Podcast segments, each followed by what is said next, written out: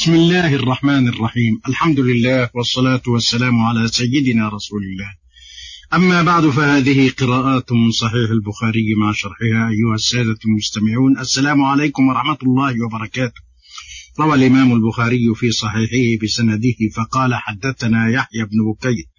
قال حدثنا الليث عن خالد عن سعيد عن محمد بن عمرو بن حلحلة عن محمد بن عمرو بن عطاء وحدثنا الليث عن يزيد بن أبي حبيبة ويزيد بن محمد عن محمد بن عمرو بن حلحلة عن محمد بن عمرو بن عطاء أنه كان جالسا مع نفر من أصحاب النبي صلى الله عليه وسلم. فذكرنا صلاة النبي صلى الله عليه وسلم فقال أبو حميد الساعدي أنا كنت أحفظكم لصلاة رسول الله صلى الله عليه وسلم. رأيته إذا كبر جعل يديه حذاء منكبيه وإذا ركع أمكن يديه من ركبتيه ثم حصر ظهره وإذا رفع رأسه استوى حتى يعود كل فقار مكانه فإذا سجد وضع يديه غير مفترش ولا قابضهما واستقبل بأطراف أصابع رجليه القبلة فإذا جلس في الركعتين جلس على رجله اليسرى ونصب اليمنى وإذا جلس في الركعة الآخرة قدم رجله اليسرى ونصب الأخرى وقعد على مقعدته. أقول وبالله التوفيق لقد ثبت النقل المتواتر عن كثير من الصحابة رضوان الله تعالى عليهم في صفة صلاة رسول الله صلى الله عليه وسلم وتواطأ على ذلك الكثيرون من الرواة العدول الضابطين بحيث لا يتطرق أدنى شك في صفة صلاته صلى الله عليه وسلم.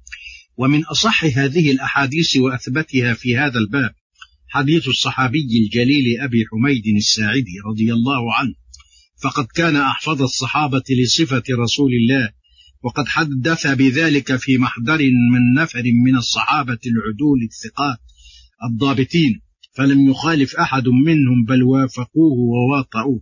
وإليكم يا سادة شرح هذا الحديث الشريف المنيف في مسائل وإليكمها المسألة الأولى فيما يتعلق بسند هذا الحديث الذي أخرجه البخاري مرة نازلا ومرة عالية. فيحيى بن بكير شيخ البخاري والليث بن سعد هو الإمام المشهور الجامع بين الفقه والرواية والذي قال فيه الإمام الشافعي الليث أفقه من مالك إلا أن أصحابه لم يقوموا به وخالد هو ابن يزيد الجمح المصري وسعيد هو ابن أبي هلال شيخه في هذا الحديث وهما قرينان. وهذا من جلالة أئمة هذا العلم النبوي الشريف أن يأخذ القرين عن قرينه. ويزيد بن أبي حبيب مصري معروف من صغار التابعين.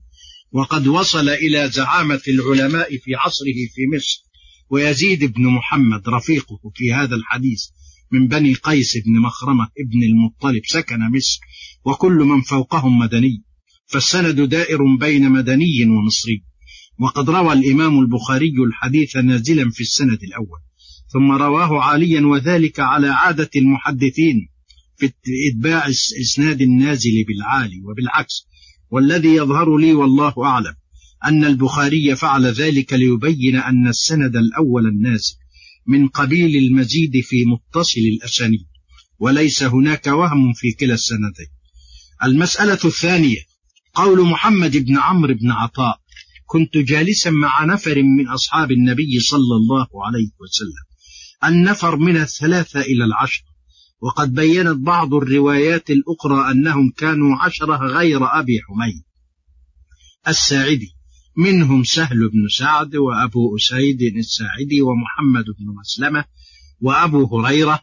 وذكرنا صلاة النبي يعني كيفية صلاته صلى الله عليه وسلم. قول الصحابي الجليل أبو حميد الساعدي أنا كنت أحفظكم أح أنا كنت أحفظكم لصلاة رسول الله صلى الله عليه وسلم.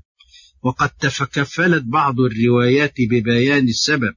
في كونه كان أحفظهم لحديث صفة رسول الله صلى الله عليه وسلم.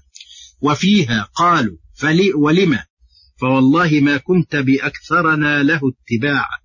وفي رواية إتيانا ولا أقدمنا له صحبة فقال اتبعت ذلك منه حتى حفظته ثم فصل صفة رسول الله صلى الله عليه وسلم لصلاته فقال رأيته إذا كبر جعل يديه حذاء منكبيه وإذا ركع أمكن يديه من ركبتيه ثم حصر ظهره. فإذا رفع رأسه استوى حتى يعود كل فقار مكانه. فإذا سجد وضع يده غير مفترش ولا قابضهما واستقبل بأطراف أصابع رجليه القبلة فإذا جلس في الركعتين يعني الأوليين جلس على رجله اليسرى ونصب اليمنى. وإذا جلس في الركعة الآخرة يعني من الثانية في الثنائية والثالثة في الثلاثية والرابعة في الرباعية.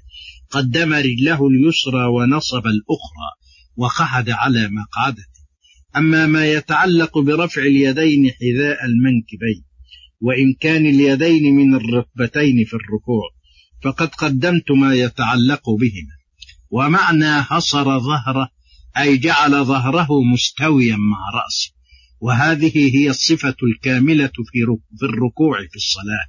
والفقار بفتح الفاء والقاف جمع فقارة وهي عظام الظهر يعني حلقات السلسلة الفقرية من العنق إلى عجب الذنب. وقد اختلف في ضبط الفاء أتفتح أم تكسر؟ والصحيح الفتح.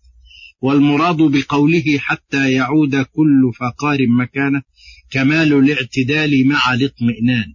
أما ما يتعلق بالافتراش والقبض فقد قدمت ما فيه الكفاية. ولا وقد زاد الإمام الطحاوي في روايته فلما سلم سلم عن يمينه سلام عليكم ورحمة الله وعن شماله كذلك. وفي رواية أخرى عند أبي داود وغيره قالوا أي الصحابة المذكورون صدقت. هكذا كان يصلي. أما ما يستنبط من الحديثين ففي شرح القراءة التالية إن شاء الله. والسلام عليكم.